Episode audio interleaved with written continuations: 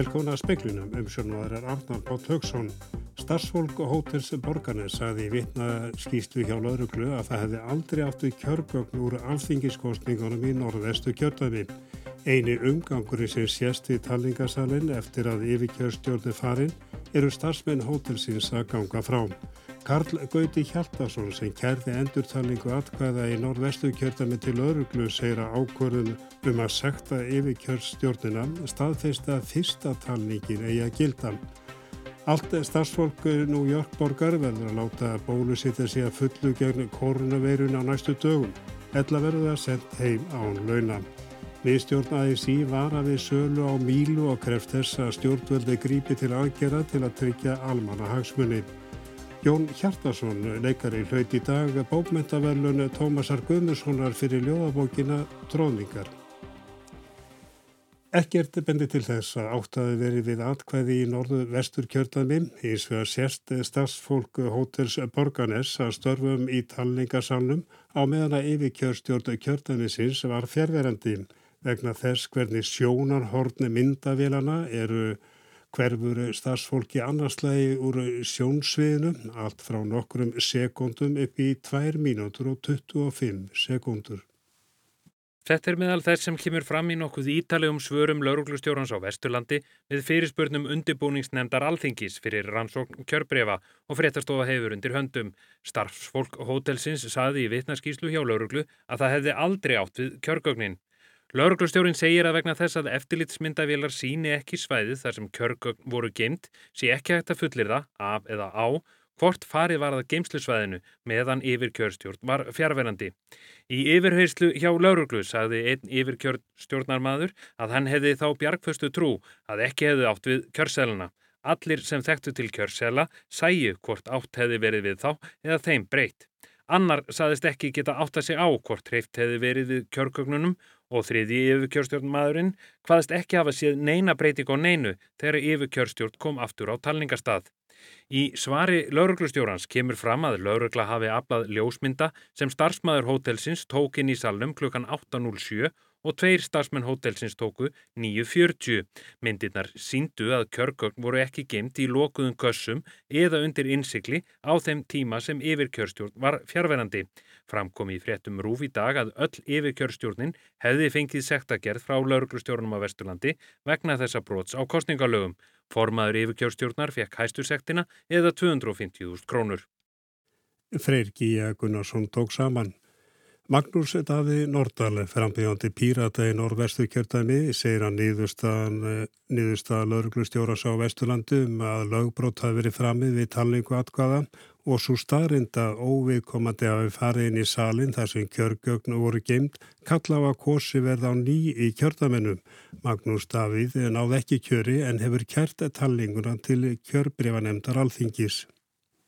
Ég held að, að miða við tíðindi dagsins að þá, þá sé það óumflíjanlegt annað en að, að, að þessar kostningar í norðvestu kjöldami verði e, ógildar og að framfari upp kostning í samræmi við ákvæði laga þarum.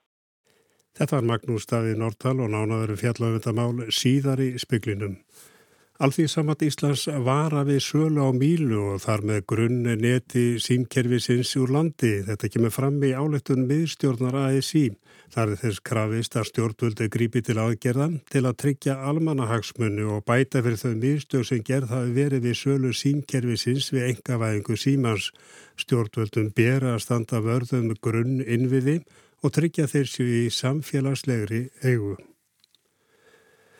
Borgaryfirveldi í York fyrirskipi í dag öllum borgarstarsmönnum sem enn hafa ekki látið bólusetja sig að fullum gegn koronavirinu að drífi því fyrir næstu mánuðamót að öðrum kosti verið þeir sendir í launalaust leifi.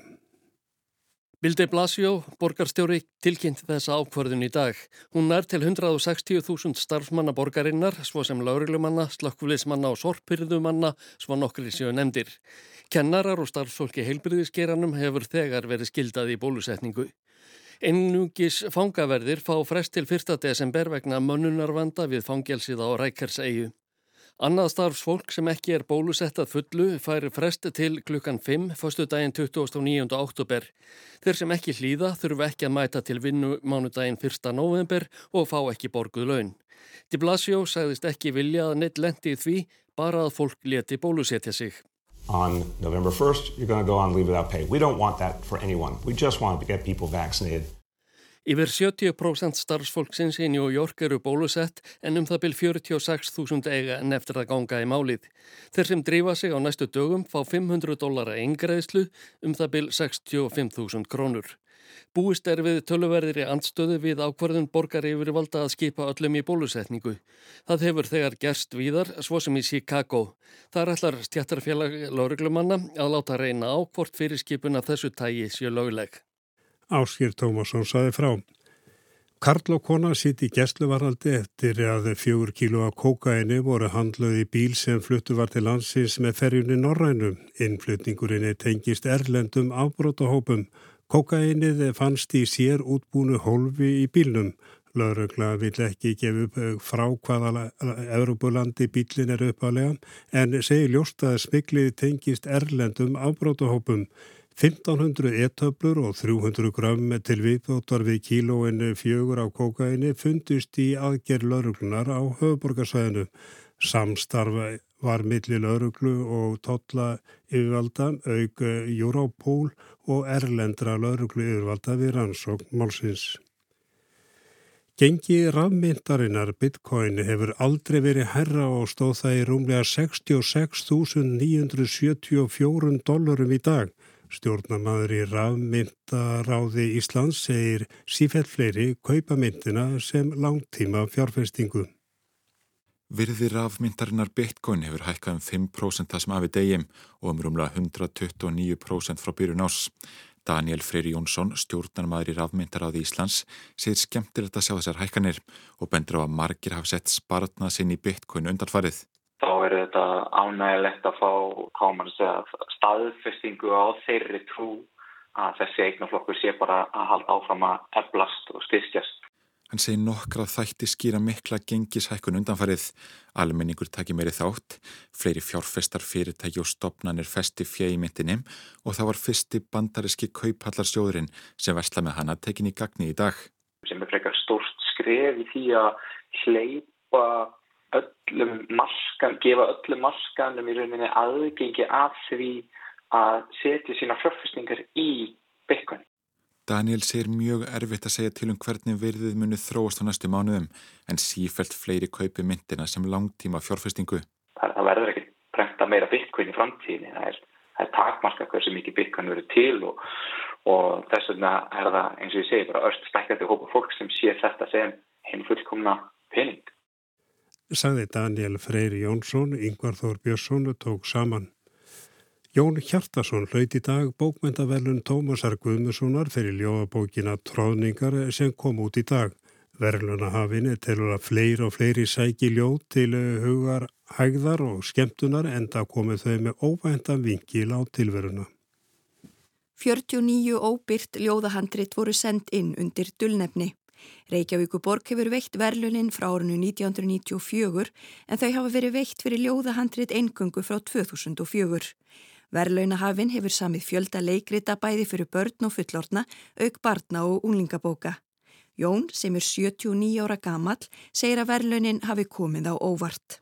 Alltaf margir sem að hugsa kannski að þetta sé nú doldið sent í gera sem grippi svona, svona, svona fyrir svona öldung. En þá er þetta til að svara sko að að maður hætti náttúrulega ekki að hugsa og ég vil ekki að skapa þó að maður þó að árein færist yfir sko. Þá segir Jón að hverið sem hann hlaut verlunin fyrir, tróðningar, sé ferðalag um náttúruna í borginni, manninum og í skaldskapnum. Jón telur að ljóðið lifi ágætu lífi í dag en það séu mörg ljóðskóldað yrkja.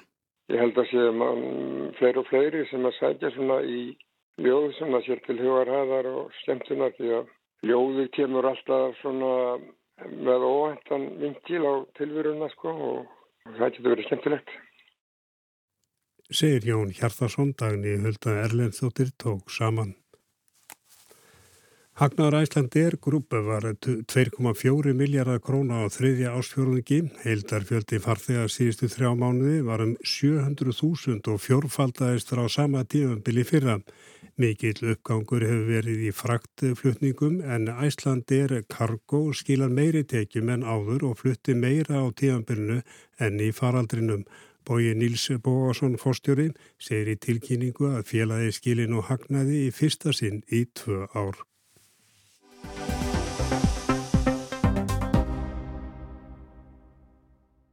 Karl Gauti Hjaldarsson sem að kerði endurtalningu atkvæða í norðvestu kjörðami segir að ákvörðun lauruglustjórans á Vesturlandi að bjóða kjörstjórnarmannum að greiða sekt staðfesti að fyrri talning eigi að standa.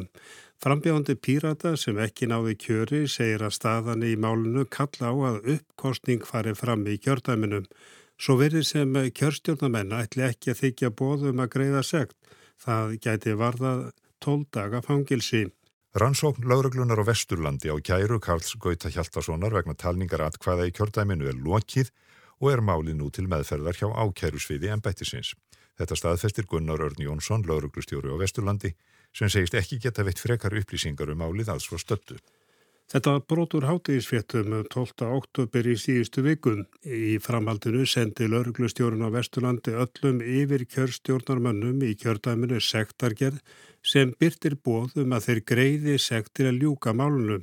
Þeir eru fimm talsins, formanninum er gert að greiða 250.000 krónar sekt og hinnum fjórum sem er í kjörstjóninni að greiða 150.000 krónur.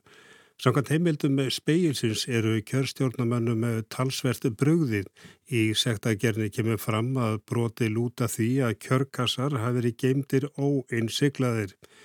Í sektagerðin er vísa til laga um kostninga til alþingis fyrst til greinar 124 og þar segir orður rétt.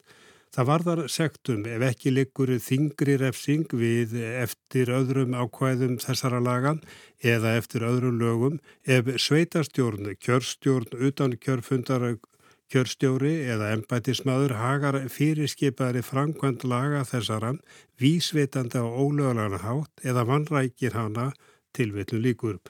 Einn er vísa til 104. greinar laganam sem hveður áum að innsikla eigi kjörgögn. Yfir kjörstjórnarmannunum 5 er gert að greiða sektina eigi síðar en á mánudagin í næstu vikum. Verði hún ekki greitt kemur fram að heimil sé að beita fjárnámi eða 12 daga fangilsi. Einni að afgreista málsins færist á sakaskrám. Nú er okkur ljóst að þeir ætli ekki að greiða sektina í ljósi þess að þeir telja að þeir hafa ekki brotið af sér. Það var Karl Gauti Hjaldarsson, frambjöðandi miðflósin sem kerði tallinguna til öruglu. Aðrir hafa kert hana til kjörbrefanemdar alþingis. Hann segir að þetta marki ákveð vatnaskil í málunum, ekki sé verjand að byggja úslit alþingiskostning á gögnum þar sem laurugla telur að refsi verðt brotað verið framið. Hann vil að fyrsta tallingin gildi. Já, það er svona mín viðbröð. Ég held að kostningarna sjálfar hafi farið almennt vel fram og, og talningin í öllum kjördamum, ég hef ekki heyrt neina NATO-sendur um það, þannig ég tel að menna ég hef þetta bakka tilbaka til þess, til þeirra framkvæmda sem var lögleg og atomsendurlaus, en, en við ekki við uh, löglausa atom sem átti sér stað þarna í borgarnasi eftir yfirkjöfstjórn yfirgefið talningasal. Magnús Davíð Nordal bauð sér fram fyrir pírata í norvestu kjördami en náði ekki kjöri. Hann hefur kjert talninguna til kjörbriða nefndar alþingis. Hann vil að kostningi verði endurtekin í kjördaminu í ljósi ákvöruna lauruglustjórnans á Vesturlandi og vegna upplýsinga um að starfsfólk hótelsins þar sem kjörgögn voru geimt og innsikluð hafi ítrekkað farið inn í salin. Já, þetta svo sem staðfestir bara það sem að fyrir lág, það hefur leið fyrir nú í nokkuð tíma að, að vöslur kjörgagna voru ekki tryggar. Það eru einhver sem ber ábyrð á því, þannig að þetta er svo sem bara eðlilegt framhald eh, málsins með að við þær staðrindir sem áður lágu fyrir. Aðrar fréttir í dag sem að voru uh, ákaflega mikilvægir í þessu samhengi er, eru þær að, að myndbansuptökur hafa nú staðfest að óviðkomandi aðilar fóru inn í salin þar sem að kjörgögn voru geimt. Við vissum það hér á fyrirstegun að þessi möguleiki var fyrir hendi að einhver óviðkomandi hefði geta farið þar inn en nú liggur það bara fyrir í myndansöftökum að aðeinar fóru þarna inn sem, að, sem að áttu þar ekki erindi og í salnum voru óinsikluð kjörgögn í opnum kössum. Þannig að ég held að, að miða við tíðindi dagsins að þá, þá sé það óumflíjanlegt annað en að, að þessar kostningar í norvestu kjördæmi verði e, ógildar og að framfari upp kostningi samræmið við ákvæði laga þarum. Er ekki enginlegt að, e, og reynilega skrítið að kjósa aftur í einu kjördæmi? Laugin gera beinlinis ráð fyrir þeim möguleika að, að það sé hægt. Og sko, þetta eru þrýr kostir sem við höfum.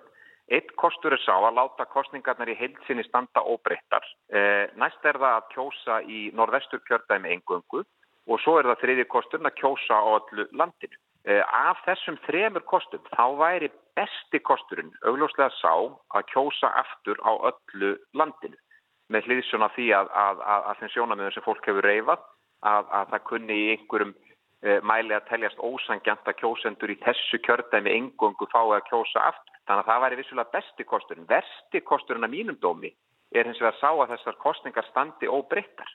Vegna þess að ef við gerum það, þá erum við búin að leggja blessun okkar yfir þetta verkla að láta þessar kostningar standa með þessum, þessum hætt.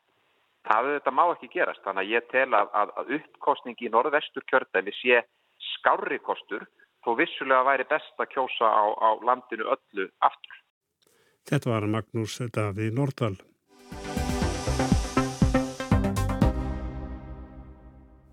Öllum þjóðu var búið að skila og kynna sína framtíðarsín í lofslagsmálum fyrir lofslagsrástöfnu í Glasgow. Íslensk stjórnveld hafa ekki gert það og skila því auðu sem eru mikil vonbrið að sögna Haldós Þorkíssonar formans lofslagsráðs. Eh, Lofslagsrástefnu saminuðu þjóðan eru haldnar árlega, þetta er aðeldaríkja þing samningsins en eh, það sem er, er merkilegt við þennan fund að þetta er einn af þessum stóru tímamótum. Og á fimm ára fresti þá eru svona stór tímamóti í samningnum og þess vegna er þessi fundur eh, jafn mikilvægur á París og vissanhátt erfiðari heldur en París. Vegna þess að í Parísasamningnum, eh, þá var gengið frá uh, samningnum og, og rammanum. En núna er, fyrir, nú er komið að því að fara að skila árangri. Og þess vegna er þetta svona, snýst þetta fyrst og öðust um það að ebla hérna, fórustuna og fókusin á viðfánsefnið. Það er ekki verið að semja um hluti þarna, það er reyndar svona nokkur aðrið sem það er að semja um, það er ekki eitt aðalatrið En nú er komið að því að allar þjóðir eru að horfa í eiginrann hvernig ætlum við að komast á þennan stað sem við þurfum að komast á. Hvernig ætlum við að umbylta okkar eh, orkukerfum eða framlustukerfum. Og þess vegna eru núna mjög margar erfiðar eh, umræður í gangi og þessi tímamót, Glasgow fundurinn, ítir á slíka umræðum. Við tekjum þetta núna til dæmis bara í, í umræðum uh, núverandi stjórnaflokka um uh, næstu fjögur ár. Sam er í Ástralíu, það er, það er mjög mikil umræði í bandariska þinginu. Þannig að það, er, það sem er svo mikilvægt með þessa fundi að þetta er svona uppgjörspunktur. Og síðan byrja fundurinn, þetta er tekja vegna fundur, hann byrjar á því að þjóðarleittögar ávarpa fundin. Þannig það er náttúrulega verið að horfa mikið á það hvað það segir okkur um hérna pólitísku stöðu sem er náttúrulega mjög erfið og það er verið að horfa á það hverjir koma á staðin til dæmis. Allir þjóðalettugar sem ykkur málu skipti voru í París, mun það endur taka sig. Við skulum ekki alveg horfa beint á það til dæmis að það er mikið hort á það hvort að, hvort að fosti Kína verða á staðnum. Hann hefur ekki farið út fyrir Kína síðan fyrir COVID. Þannig að við skulum ekki kannski lesa allt og mikið í það. En þetta er sem sagt í upphafi að beinist þetta fyrst og fremst að þjóðleitónum og þeirra uh, skilaboð um hvert er alla. Til viðbótar við samtala mellir ríkja að þá eru þessi fundir mjög mikilvægur vettfangu fyrir uh, samstarfi í lofslagsmálum og þar eru raunverulega stæru, stóru hlutinir að gerast. Og það er mjög mikilvægt þegar við erum að horfa á hvað er að gerast í heiminum að horfa ekki bara á ríkistjórnir og, og hefðu ofnbæra eh, heldur líka á hvað fjárfestar er að gera og hvernig þeir eru að hugsa. Það er mjög mikið að gerast í Glasgow í tengslum við að, að gera fjármálkerfi heimsins fært um að takast á við þetta vandamál. Síðan er uh, mikið verið að fjalla um lausnir, hvað fólk hefur lært af lausnum Og svo finnst mér líka mjög áhugaverð tilraun sem að, að breytarnir eru með að þeir ætla að reyna að vera með hérna, fulltrúa almennings um allan heim og eru með slempi úrtak af hundra manns sem eiga endur spekla heimsbyðina og eiga síðan að koma skilaboð inn á þennan fund. Þannig að þetta, og síðan eins og við vitum að þá er IPCC eh, sem er svona vísendaleg forsenda fyrir þessu öllu saman eh, nýbúin að koma með fyrsta áfanga í sinni skýslu og það verður mikil horta á það. Uh, ekki, og, það, og það er skýsla sem kom út fyrir ekki svo löngu núna í sumar lokaðum minni sem að var ansi afgerandi þar sem að var sagt bara berum orðum loftslagsbreytingar eru af mannavöldum það verður að grýpa til tafarlausra aðgerða. Já og, og uh, þetta var kynnt hér í ágúst og það sem er aðalatrið þar er að við erum mjög nálagt uh, brúninni. Uh, við erum komið fram að, að heljar þrömm og, og þess vegna þarf að nota, uh, það þarf að stíga mjög ákveðin, örug, skref í rétta átt. En, en IPCC er á eftir að koma með meira á næsta ári um lausnirnar og, og hvernig við getum tekist á við þetta. Uh, það er líka verið að horfa á þessum fundi í Glasgow mikið á það hver er framtíða sín þjóða. Það er mikið verið talað um hvað þjóður er alltaf vera eftir 10 ár, 2030, en það er ekki síðan mikilvægt að spurja aðeins lengra fram í tíman. Og þess vegna var öllum þjóðum bóðið að leggja fram sína framtíða sín. Og það er mjög marga þjóður sem hafa gert það og breytar til dæmis kynntu sína framtíða sín á mánudagin í þessari viku. Því miður, og það er mikið vonbriðið fyrir lofslagsráð, þá likur ekki fyrir hver er framtíða sín Íslands. Eh, það hefur verið lögð vinna í það en þeirri vinnu hefur ekki verið lokið. Þannig að Ísland skilar auðu þegar það kemur að því að tala um okkar framtíðasín og þetta er eitthvað sem við eigum að í framhald af Glasgow við eigum að, að virkilega að taka okkur á í þessu. Því það er svo mikilvægt að átta sig á því hvers konar kólefnislutlaust Ísland við viljum. Eh, vegna þess að það er marga leiðir að kólefnislutlausi og við þurfum og ekki síst fólk sem er aðeins yngra, það þarf að koma þeirra umræðu vegna þess að það er þeirra framtíð sem er í húfi. Veistu, af hverju uh, Ísland er að skila auðu? Sko þetta er náttúrulega hlutur sem að samtal sem þarf að vera stöðut í gangi en uh, við erum okkur ekki mjög tamt á Íslandi að móta skýra framtíða sín og það er bara það mikil óvisa framöndan að skýr framtíðasín er algjör forsenda árangus og uh, þegar við hefum gengið í gegnum fyrri uh, umskipti að þá fórum við í gegnum þau umskipti með mjög skýra sín hvað við ætlum okkur. Og við þurfum að hafa miklu skýrari sín og þar skiptir líka mjög miklu máli að við horfum á samíla hagsmunni og byggjum upp svona vendingar og spenning um þessa framtíð er, og líka við séum tilbúin að fjárfesta í því að móta þessa framtíð. Vegna þess að, að þetta kallar á fjárfestingar, það er samt mun hagkvæmara að grýpa núna til aðgera til að móta þessa framtíð, heldur en að býða og alltaf svo gera þetta allt kortir fyrir framtíð. Hvað væri það besta sem geti komið út úr þessar ráðstarf? Í mínum huga snýst Glasgow fyrst og fyrst um þrend. Það er að endurbyggja þá einingu sem skapaðist í París. Þannig að, að það sé ljóst að það sé sameilugur viljið þjóðajarðarinnar að takast á við þetta og að halda aftur af eh, áhættunni. Í öðru lagi þarf að byggja tröst millir þjóða og það er mikið ágefni núna, hvað er mikil spenna á millir þjóða og hvernig eh, þær breytingar sem er að verða er að skapa spennu millir þjóða og það, því að þessi loftslagsmál er svo tengd öllum öðrum hagsmunamálum. Og þriðalagi þarf að endurvekja traust á samningum sjálfum og, og þessari leið sem er verið að fara. Og uh, Parísasamningurinn er ekki lausn í sjálfum sér. Heldur er Parísasamningurinn uh, farvegu fyrir þessa lausn en hún þarf að byggjast á einingu og síðferðslegu þreki saði Haldur Þorkisson og það var Ragnhildur Tólasíu sem að rætti við hann.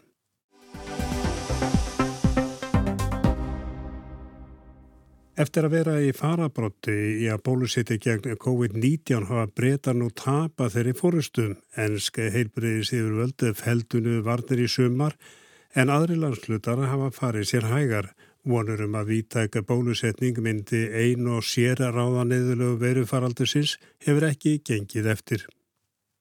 Fjöldi COVID-tilfella hefur ekki mikið verið í frettum hér í Breitlandi og samt er mjög mikið af nýjum tilfellum, slagan og hátt í 50.000 daglega. En nú hafa fjölmiðlar tekið við sér þess að tölur eru einfaldlega ógnarlegar. Þó fjöldi döðsfalla og innlagna á sjúkrahús sé hverki nærri því sem var þegar veirufaraldurinn geisaði sem ákavast, þá er aukningin í prósenduvís uggvanleg. Boris Jónsson fórsætsráð þeirra sagður hafa augun á þessari óheitlavanlegu framvindu. Í viðbótu fleiri tilfelli hefur nýju delta afbreyði COVID sérst bræða fyrir og þá kemur alltaf upp óðagots umræða um hvort nýja afbreyðið sé meira smitandi og hugsaðlega ónæmara fyrir bóluefni en fyrri afbreyði. Í viðtali við dagblæði Guardian segir Ravi Gupta, professor í klínískri lífræði við Cambridge Háskóla að jú, vissulega sé ástæðu til að hafa augun á nýju afbreyði. Frávikinn frá gamla afbreyðinu þó ekki líkleg til að hafa neinn veruleg áhrif á smitt og virkni bóluefna. Nei, segir Gupta, það er ekki hægt að kenna þessu nýja afbreyði um fjölkun tilfella. Fjölgurinn stafar að því okkur hefur í grundvallar atriðum mistekist að hafa stjórn á útbreyslu COVID.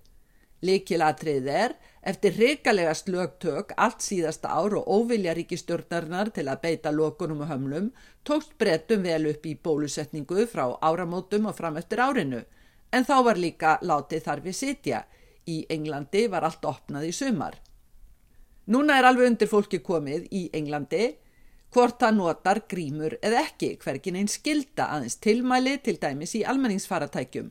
Í Skotlandi er hins vegar enn grímuskilda og aðtiklisvert að sjá að þar fækkar tilfellum. En England er langt fjölmennasti landslutin því munar mestu þar um galopnun og fjölda nýra COVID-tilfella.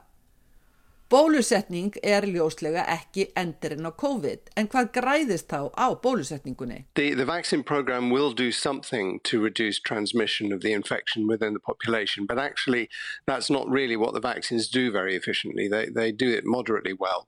What they do really well is prevent serious illness. Bólusetningin gerir sitt til að draga úr smiti, sagði Adam Finn, professor við Bristol Háskóla í viðtal við Breska ríkisútarbið. En það er þó ekki það sem bóluefni gerir best, þau eru svona þokkaleg í að draga úr smiti, helstu áhrif bóluefnis er að koma í veg fyrir alvarleg veikindi. Margir vísindamenn eru einmitt sammala um að hægðun fólks skipti mestu varðandi smitt og þegar öllum hömlum hefur verið létt, engar grímur og ekki neitt, þá er heldur ekkert sem minnir fólk á að gæta sín. Því má segja að afnám grímuskyldu hafi markveldis áhrif til hins verra. Bólusetningin í Breitlandi gekk vel framan af en brettar hafi ekki lengur forskot í þeim efnum.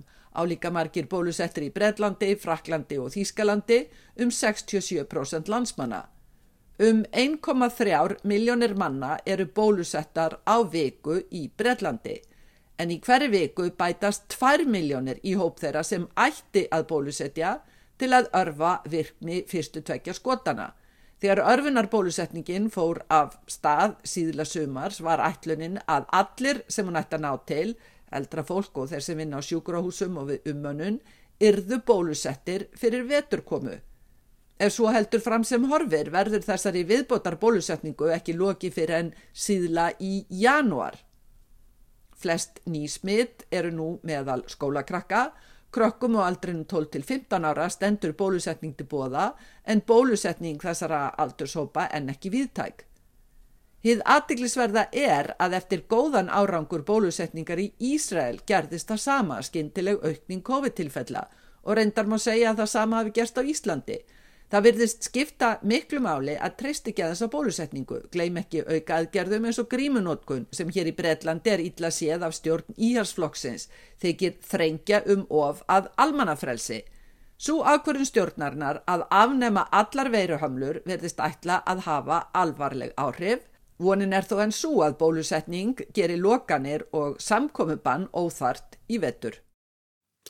Sigrún Davíðstóttir sagði frá og við sögum meðalann og sagði frá því í speiklunni kvöld að starfsfólk Hotelsi Borgarnes sagði í vittna skýslu hjá lauruglu að það hefði aldrei átt við kjörgögn úr alþinginskostningunum í norðvestu kjördæmi.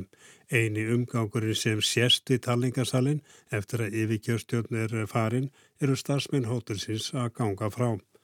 Og Karl Gauti Hjaltarsson sem að kerði endurtalningu atkvaði í norvestu kjörtami til öðruglum segir að ákvörnum að sekta yfirkjörstjórnuna staðfesti að fyrsta talningin eigi að gilda. En það er ekki fleira í spegnum í kvöld, tæknumar var Mark Eldred verið sæl.